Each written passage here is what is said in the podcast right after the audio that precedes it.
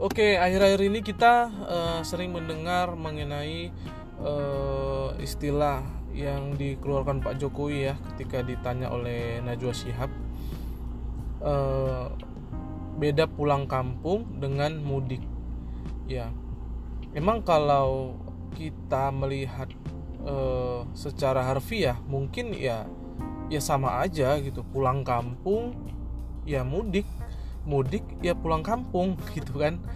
Namun kalau kita uh, pada sudut pandang yang kalau kita melihat dari sudut pandangnya Pak Jokowi ya saya kira uh, kita akan menemukan sesuatu yang berbeda antara pulang kampung dengan mudik begitu.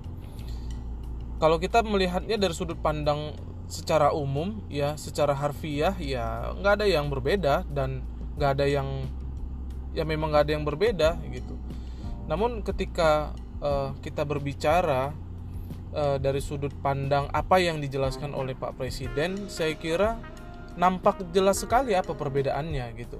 Kalau kita uh, mendengar kelanjutan dari penjelasan beliau terkait pulang kampung dengan mudik ya.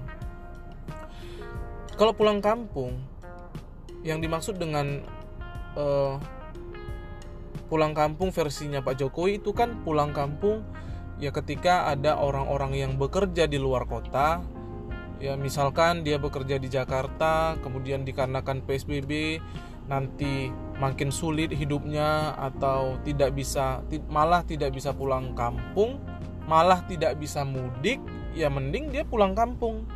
Nah pulang kampung namun ketika sampai di kampungnya tetap melakukan protokol kesehatan yang diberlakukan di kampungnya itu gitu. Lalu kemudian apa bedanya dengan mudik? Nah, mudik itu memang pulang kampung tapi identik dengan eh, ketika beberapa hari menjelang lebaran gitu, menjelang Idul Fitri. Itu yang dinamakan mudik versi atau yang dimaksud dengan eh, pernyataan Pak Jokowi Pak Jokowi kemarin gitu mudik yang dia maksud dan mudik yang ia larang adalah mudik yang identik atau yang pada saat momentum lebaran gitu.